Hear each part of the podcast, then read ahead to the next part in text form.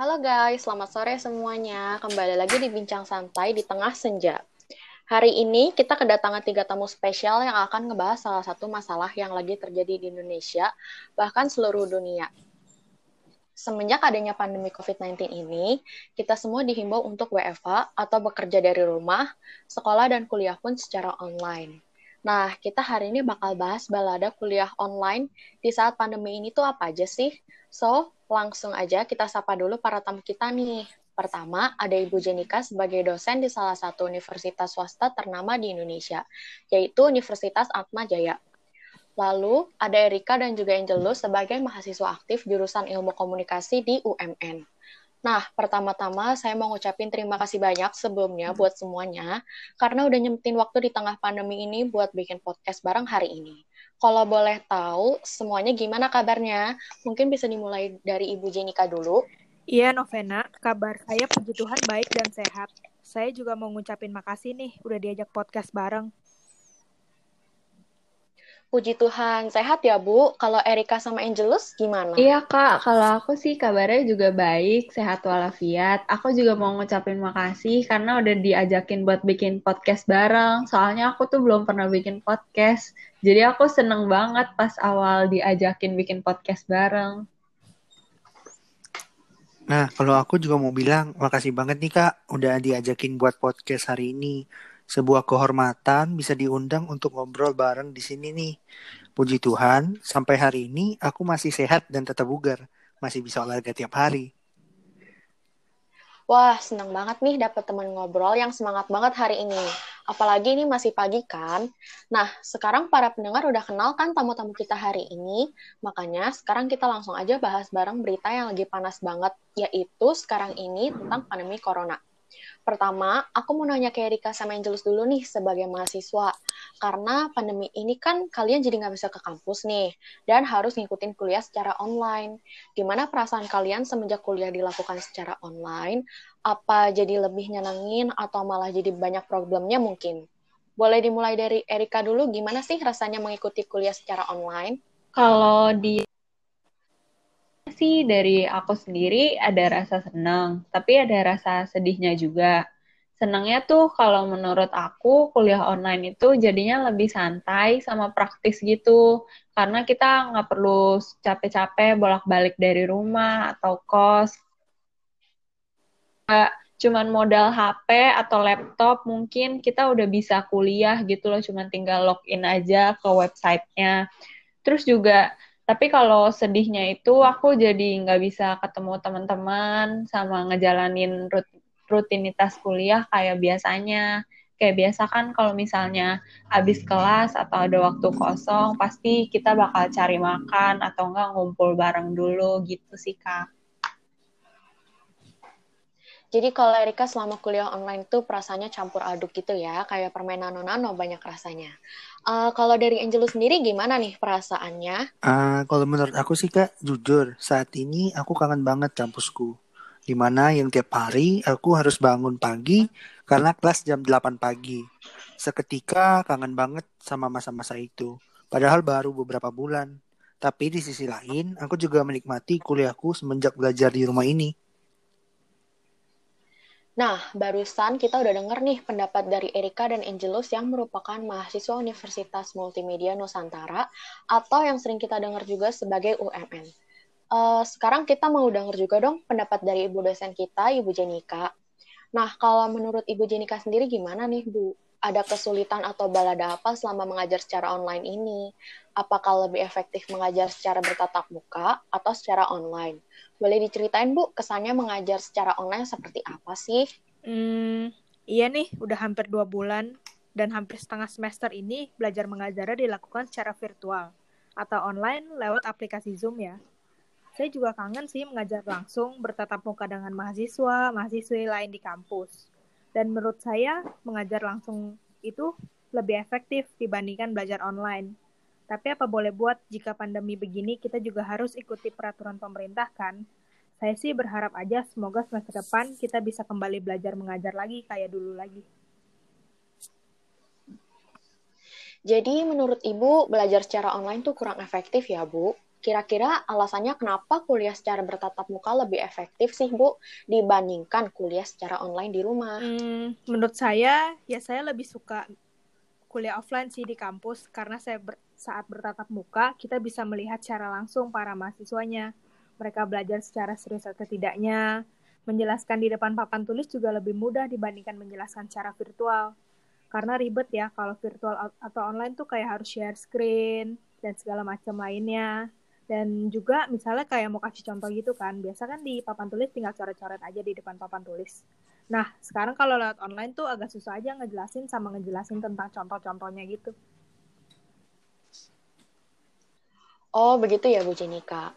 Nah, sekarang aku mau tanya dong ke kakak-kakak mahasiswa, lebih seru mana, belajar online atau langsung datang ke kampus sih? Mana yang lebih efektif nih menurut kalian? Apakah penjelasan secara bertatap muka lebih mudah untuk dimengerti? Atau gimana nih menurut kalian? Mungkin bisa dijawab sama Angelus dulu. Nah, kalau aku sendiri belajar di kampus dan di rumah sama-sama enak. Mungkin ke depannya bisa diterapkan oleh kampus. Kayak contoh, seminggu di kampus, terus minggu di rumah biar nggak bosan aja gitu. Intinya dicampur deh. Kalau ngomongin soal efektif aku sendiri lebih milih kuliah online. Tapi di sisi lain itu balik lagi ke pribadi masing-masing. Ada yang lebih pilih kuliah tatap muka dan juga ada yang pilih uh, kuliah secara online. Karena bisa aja orang yang belajar di rumah tetap efektif karena dia mendengarkan dengan baik apa yang dijelaskan oleh dosen. Ya kayak aktif gitu deh tanya-tanya uh, pengen tahu apa yang jelasin dosen walaupun putus-putus gitu. Wah, boleh juga nih usulan dari Angelus buat sistem perkuliahannya dicampur ya, antara online sama tatap muka secara langsung. Mungkin bisa disampaikan langsung ke staf UMN biar bisa dipertimbangkan dan mungkin ke depannya benar-benar diterapin nih. Kalau dari Erika, gimana nih? Sebagai sesama mahasiswa UMN juga, lebih pilih kuliah online atau kuliah datang langsung ke kampus sih? Kalau menurut aku juga kurang lebih dua-duanya sama. Pasti masing-masing ada plus minusnya. Tapi kalau misalnya disuruh milih yang mana yang lebih efektif, aku sih lebih pilih kuliah online sama kayak Angelus juga. Karena menurut aku itu kuliah online itu lebih praktis dan efisien. Terus juga kayak yang aku bilang tadi, kalau kuliah online itu cuma modal pakai HP atau laptop, kita udah bisa ngikut kuliah, tinggal login aja ke website, terus nanti mungkin pakai Zoom atau vid aplikasi video call lainnya. Terus juga kita nggak harus eh, capek-capek uh, ke kampus buat kuliah. Terus juga kita bisa kuliah di rumah atau mungkin di kos atau di kafe atau tempat lainnya. Yang penting ada jaringan internet gitu loh, entah pakai kuota atau wifi.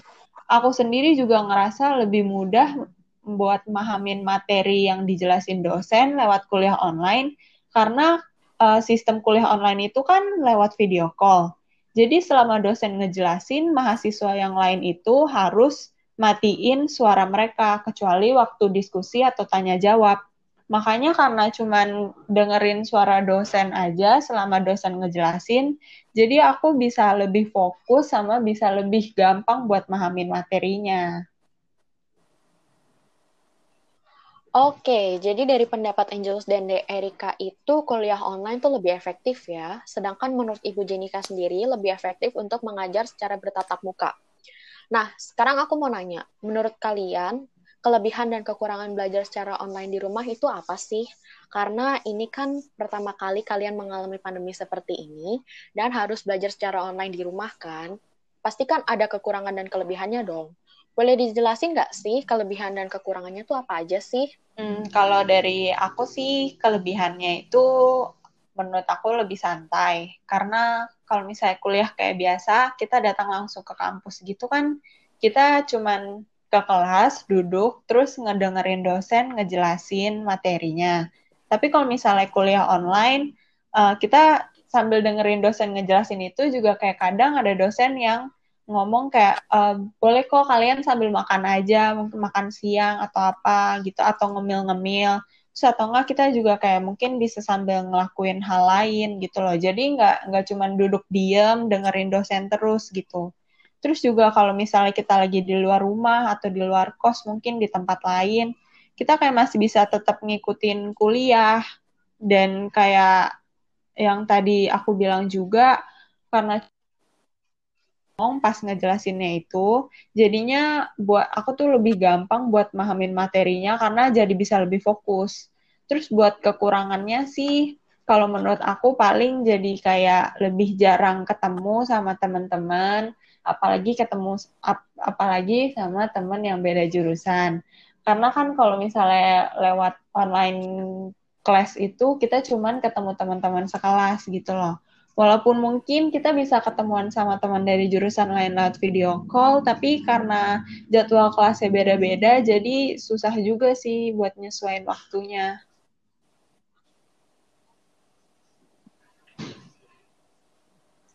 Kalau menurutku sih uh, kelebihan belajar di rumah, misalkan nih kita udah berjam-jam depan kamera, terus capek nih, aduh, ya udah deh aku duduk. Nah, kadang aku juga sambil baring gitu bahkan sambil makan.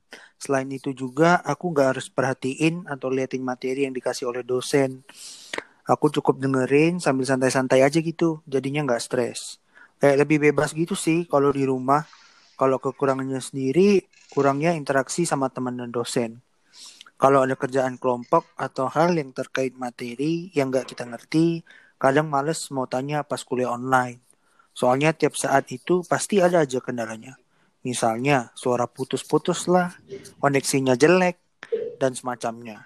Jadi yang dari awalnya pengen tanya, pengen aktif, jadi males duluan karena hal-hal seperti itu. Jadi kayak ada penghalangnya gitu.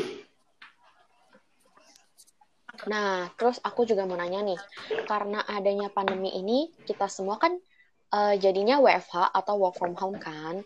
Jadinya semua harus kerja atau belajar dari rumah. Nah, kira-kira ada kendala atau kesulitan apa nggak sih selama belajar secara online ini?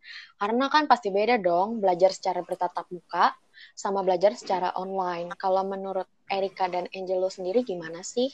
Kalau bicara soal kesulitan yang terjadi pas kuliah online, tentu pasti ada ya. Salah satunya seperti yang tadi udah aku bilang, yaitu kendala ketika kita menggunakan aplikasi untuk belajar online. Sinyal tidak kuat, suara patah-patah, mic yang nggak berfungsi, dan lainnya. Selain itu juga karena di rumah, tentu suasana rumah membuat saya merasa tidak ingin mengikuti kelas. Karena di rumah adalah tempat di mana aku berkumpul dengan keluarga dan santai. Jadi rasanya kayak nggak mau belajar aja gitu. Terus kesulitan terbesar sih tentunya tugas tugasnya itu makin banyak banget parah dan ujiannya juga makin sulit karena kita mengerjain ujian dari rumah terus dikasih jangka waktu yang panjang gitu. Menurut aku juga kira-kira sama sih kayak yang udah Angelus bilang tadi. Buat kendalanya kalau aku lebih ke arah masalah teknis juga. Kayak mungkin kadang servernya itu buat kelas online atau aplikasi video hmm. call-nya itu lagi down atau koneksi internetnya lagi jelek, jadinya lemot gitu loh. Sama kadang juga kalau ada yang lagi ngomong, dosen lagi ngejelasin atau ada mahasiswa lain yang tanya-tanya, suaranya tuh kayak kadang putus-putus atau nggak kedengeran jelas gitu. Terus uh, selain itu aku juga bilang ujiannya itu jadi lebih susah karena mungkin sistemnya itu kan take home. Kita ngerjain dari rumah dan sistem tugas akhir gitu loh. Jadi buat jangka waktu buat ngerjainnya itu dikasih waktunya lebih panjang gitu. Makanya mungkin karena ada jangka waktu yang lebih panjang itu dan juga karena kita ngerjainnya dari rumah, jadi soal ujiannya itu lebih ditingkatin taraf kesulitannya. Kira-kira gitu sih, Kak. Oke, berarti belajar secara online tuh kendalanya cukup banyak ya guys. Uh, semoga pandemi ini bisa cepat selesai biar kita semua bisa beraktivitas dengan normal lagi nih. Uh, jadi bisa kuliah secara bertatap muka lagi. Oke, next nih, apa aja sih yang kalian udah lakuin selama pandemi ini untuk mencegah penularan virus corona? Karena semenjak pandemi ini kan sebagian besar orang tiap mau keluar rumah tuh rasanya jadi parno sendiri gitu. Mengingat virus ini kan penyebarannya cepet banget. Terus juga kalau lagi belanja kebutuhan pokok, masih banyak masyarakat yang nggak mematuhi aturan PSBB untuk selalu pakai masker dan jaga jarak. Nah, kalau kalian nih, uh, Erika Angelus dan Ibu Jenika sendiri, gimana sih cara mencegah tertular virus ini? Mungkin bisa dari Ibu Jenika dulu, sebagai seorang ibu rumah tangga juga. Gimana nih, Bu, cara-cara untuk tar salah. Gimana nih Bu cara-cara yang Ibu lakuin untuk menghindari penularan virus ini? Hmm, yang saya lakuin untuk menghindari penularan virus corona ini sih mematuhi anjuran dari pemerintah ya, yang kayak social distancing, di rumah aja, PSBB, atau pembatasan sosial berskala besar. Saya sendiri ya, sebagai ibu rumah tangga, sesekali ada sih keluar rumah buat ke supermarket untuk membeli kebutuhan rumah tangga. Nah, pas saya keluar juga harus ekstra hati-hati nih persiapannya. Kayak pakai masker, bawa antis, bawa alkohol, bawa tisu basah juga. Terus kalau mau pegang troli atau uh, keranjangnya saya lap dulu, saya semprot dulu pakai alkohol. Nah, di supermarket sendirinya juga kan sebelum masuk dicek suhu badan dulu. Kalau normal dikasih masuk. Kalau nggak normal atau di atas rata-rata itu pasti nggak nggak dikasih masuk soalnya udah tanda-tanda nih. Uh, terus juga uh, pas bayar di kasir juga ada garis-garisnya biar kita tetap nerapin social distancing. Uh, biasa ke supermarket saya cepet aja sih, jangan lama-lama. Kalau bisa habis pulang saya langsung mandi dan membilas barang-barang yang saya beli di supermarket biar steril. Kalau yang saya terapin sih begitu. Kalau dari aku sih buat cegah penularan virus corona juga kira-kira sama kayak Ibu Jenika Pertama, aku ngikutin aturan pemerintah buat tetap ngelakuin social distancing sama PSBB juga. Terus walaupun sebenarnya udah bosen banget di rumah karena kayak nggak ke mana-mana gitu loh. Tapi karena biar pandemi ini cepat selesai dan semuanya juga bakal kembali seperti semula, jadi aku juga tetap nggak pergi ke mana-mana.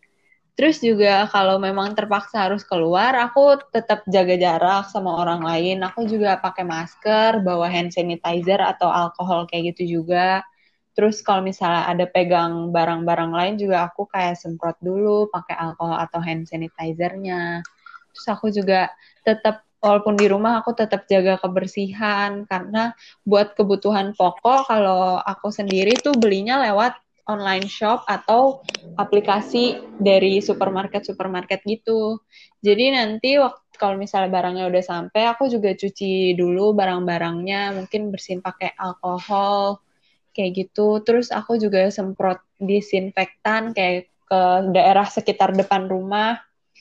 Terus aku juga jaga kesehatan aku sendiri, kayak jaga pola makan, jaga waktu tidur, ada olahraga juga. Pokoknya kayak intinya lebih uh, dibantu dengan jaga kesehatan diri sendiri sih. Nah, kalau saya sendiri tentu saya mengikuti ajuan dari pemerintah untuk tetap melakukan semuanya di dalam rumah, sama seperti orang-orang yang lain. Namun, jika saya terpaksa harus keluar, tentu saya tetap menjaga jarak dengan orang lain dan tentunya menggunakan masker.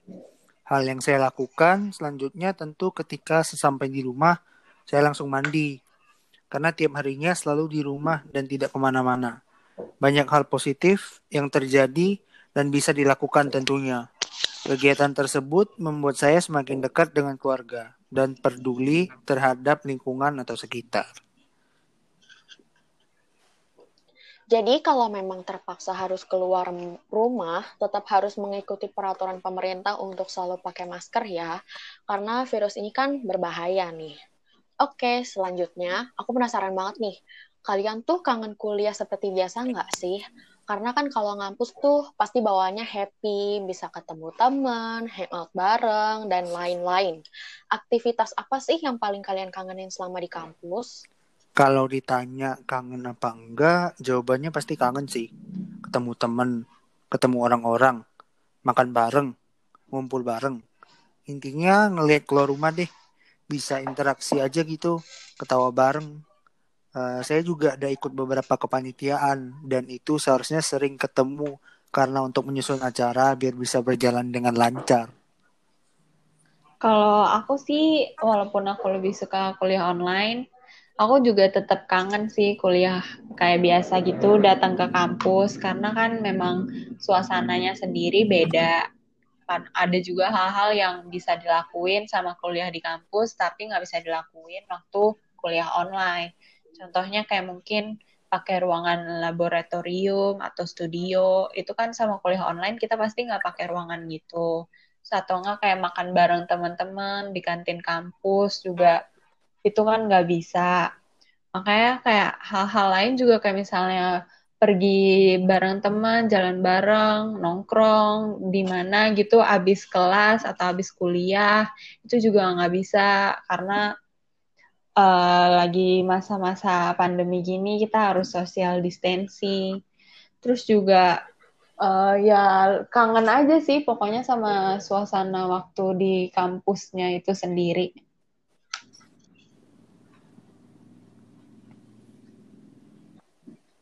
Jadi pengen balik kuliah lagi nih denger kalian cerita. Oke, kalau gitu pertanyaan terakhir nih buat semuanya. Selama di rumah aja udah beberapa bulan ini kan, Erika, Angelus, dan Ibu Jenika tuh udah ngelakuin hal positif apa aja sih? Hal positif apa aja yang bisa kita petik selama WFH ini berlangsung? Hikmahnya menurut kalian masing-masing tuh apa? Karena selama WFH kan lebih banyak waktu yang tersedia. Jadi mungkin lebih banyak hal-hal yang bisa dilakukan di rumah nih. Hal positif yang bisa saya ambil adalah kalau di rumah itu kita jadi makin dekat dengan orang tua, pastinya kan di rumah terus. Nah, orang tua dan saudara juga di rumah. Jadinya kayak kita tiap hari saling ketemu satu sama lain dong. Mulai dari bangun pagi sampai mau tidur ketemu terus. Terus jadi sering bersihin rumah, beres-beres rumah. Ya semaksimal mungkin buat cari kerjaan deh tiap hari. Paling seneng kalau udah ke supermarket. Keluar komplek rumah aja udah senengnya minta ampun. Kayak mau jalan-jalan ke luar negeri gitu. Terus dari WFA juga saya belajar untuk lebih sabar. Sabar dan percaya kalau pandemi ini akan cepat kelar dan semua dapat kembali seperti semula lagi secepatnya. Aku juga ada ngelakuin hal-hal positif sih, mungkin kayak cari-cari kesibukan lain sama di rumah. Jadi uh, biar nggak penat tuh kerjaanku nggak cuma kuliah atau nugas gitu, karena aku orangnya sendiri kan gampang bosan. Jadi kalau misalnya cuman ngurusin kuliah terus atau nugas terus tuh nanti jadi malah stres. Makanya aku lebih coba buat cari hiburan atau hal-hal lain yang bisa dijadiin hobi baru buat kayak yang ngehilangnya uh, buat ngilangin stresnya gitu aja sih kayak atau mungkin kayak nonton film pas lagi nggak ada tugas olahraga mungkin belajar bahasa bahasa asing belajar alat musik pokoknya kayak hal-hal yang baru yang belum pernah aku coba. Terus juga menurut aku selama WFH ini hal positifnya itu kayak kita jadi bisa cari kesibukan baru yang mungkin bisa dilakuin selama di rumah. Karena kan biasanya itu kita kayak uh, sering pergi kan, pasti kayak jarang ada di rumah. Jadi mungkin kayak buat orang orang yang lain, mungkin kayak ibu rumah tangga gitu, apalagi kayak bisa bikin kue. Eh, sabar bentar, stop, maaf salah.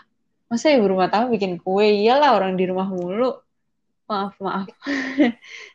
Terus bentar gue ulang dari sini ya Menurut aku juga selama WFH ini hal positifnya kita jadi bisa cari kesibukan baru yang mungkin bisa dilakuin sama di rumah. Karena kan kayak biasa kita sering keluar ya mungkin kayak jarang buat ada di rumah terus gitu.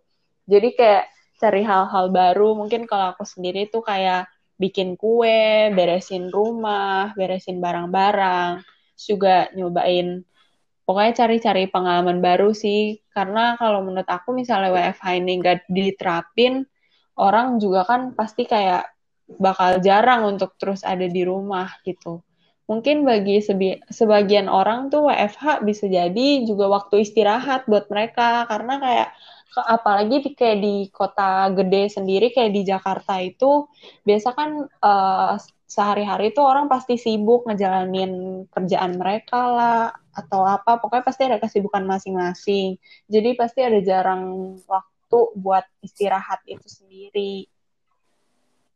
Hmm, kalau saya sendiri hal positif yang saya lakuin selama di rumah aja sih kan awal-awal masih mengajar lewat virtual zoom ya. Terus saya juga ada membereskan rumah, memasak, mencoba hal-hal baru dari YouTube kayak bikin kue, olahraga juga setiap pagi. Hal positif yang bisa saya petik sih, jadi ada banyak waktu ya bagi keluarga. Biasanya kan saya sibuk dari pagi sampai sore ngajar di kampus, belum lagi perjalanan di rumah yang kadang macet. Saya biasanya sampai rumah bisa malam sekitar jam 6 atau tujuan. Hikmahnya yaitu waktu bareng keluarga jadi banyak, kayak bisa nonton bareng, ngobrol bareng, makan bareng. Jadi kayak waktunya lebih panjang gitu di rumah.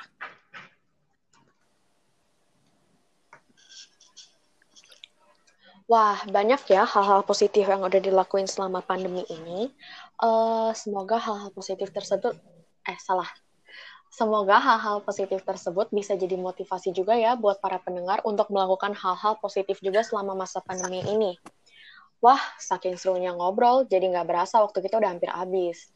Hmm, kira-kira mungkin ada pesan apa dari Ibu Jenika, Erika, dan Angelus buat para pendengar podcast kita hmm, nih? Pesan dari saya untuk sekarang ini dilihat dari angka pasien positif corona dan angka kematian yang ter yang terus meningkat setiap harinya. Tolong banget nih buat para pendengar untuk mematuhi kebijakan-kebijakan, peraturan-peraturan dari pemerintah, atau penegak hukum demi kita semua juga dengan cara PSBB, stay at home, jangan keluar kalau nggak penting-penting banget, jangan pulang kampung atau mudik dulu, dan peraturan sebagainya yang telah dianjurkan oleh pemerintah. Ini juga demi memutus mata rantai penularan virus corona yang menyebabkan semakin banyak dan bertambahnya lagi pasien. Banyaknya juga dari berita yang saya lihat, masih banyak masyarakat nih yang bandel menganggap remeh virus corona, padahal virus corona itu ini merupakan penyakit atau virus yang serius yang dapat merenggut nyawa seseorang.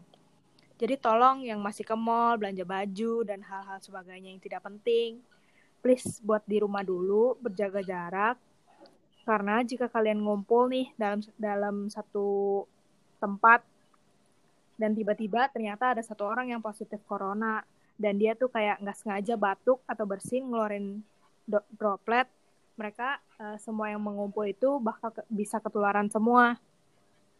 Maka dari itu, semoga masyarakat makin meningkat kesadaran dirinya untuk mematuhi peraturan pemerintah agar angka kurva pasien positif corona tidak bertambah banyak, melainkan kurvanya menurun dan tidak semakin banyaknya lagi memakan korban jiwa.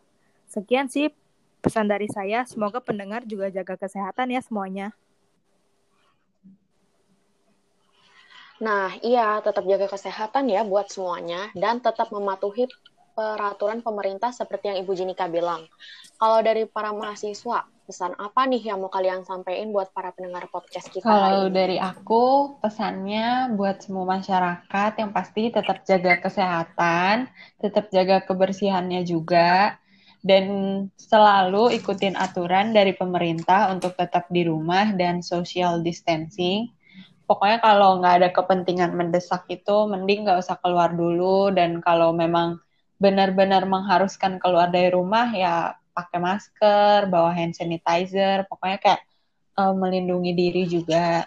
Terus juga kalau misalnya merasa nggak enak badan itu langsung istirahat biar kondisi tubuhnya itu nggak makin parah. Dan kalau misalnya ada menunjukkan gejala-gejala virus corona, itu mungkin bisa langsung segera diperiksain ke dokter sama isolasi diri gitu loh. Karena kalau dilihat dari berita-berita kayak masih ada orang-orang yang takut gitu buat bilang kalau mereka udah tertular virus corona ini. Jadi aku cuma mau bilang kayak buat jangan takut sih buat ngomong kalau misalnya udah tertular virus corona karena mungkin takut dijauhin atau dikucilin ya.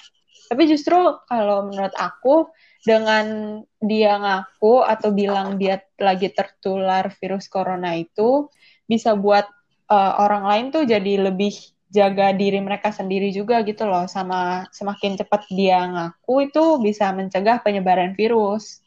Terus juga buat teman-teman mahasiswa lainnya uh, pesan dari aku sih karena kita sama-sama ngerasain sistem perkuliahan online di masa pandemi ini ya jadi uh, mungkin karena perubahan yang secara tiba-tiba dari kuliah ke pergi ke kampus, terus tiba-tiba kita kuliah online yang nggak pernah kita rasain, kan kayak mungkin uh, awal-awalnya itu pasti susah buat nyesuaiin diri. Tapi aku mau bilang buat semuanya supaya tetap semangat dan tetap belajar dengan giat karena memang kondisinya yang membuat kita nggak memungkinkan untuk menjalani sistem perkuliahan kayak biasanya. Tapi mungkin uh, bisa dilihat aja dari sisi positifnya dengan sekarang ada kuliah online. Bisa jadi nanti ke depannya kalau teknologi udah semakin berkembang, sistem perkuliahan online juga jadi lebih baik. Jadi kita juga uh, nggak uh, perlu ke kampus lagi atau mungkin bisa kayak tadi Angelus bilang dicampur sebagian online, sebagian kuliah di kampus gitu loh. Dan juga sekarang kan lagi masa-masa ujian akhir. Apalagi di UMN sendiri juga lagi masa waktu UAS. Jadi aku mau bilang buat semua mahasiswa UNN untuk tetap semangat ngerjain ujiannya dan berusaha semaksimal mungkin.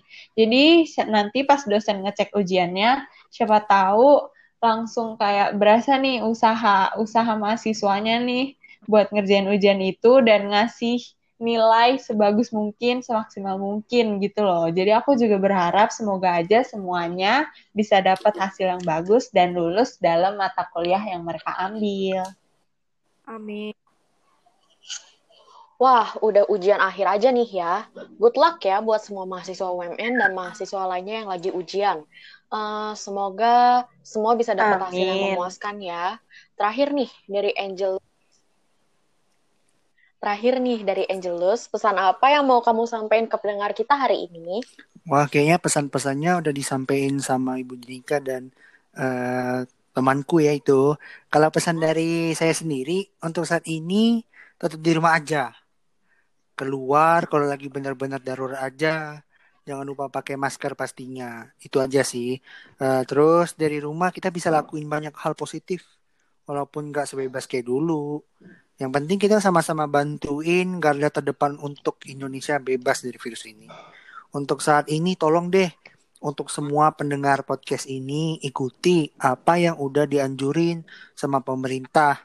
Itu semua buat kebaikan kita bersama kok. Semakin cepat kita taat, semakin cepat virus ini bisa kita atasi bersama.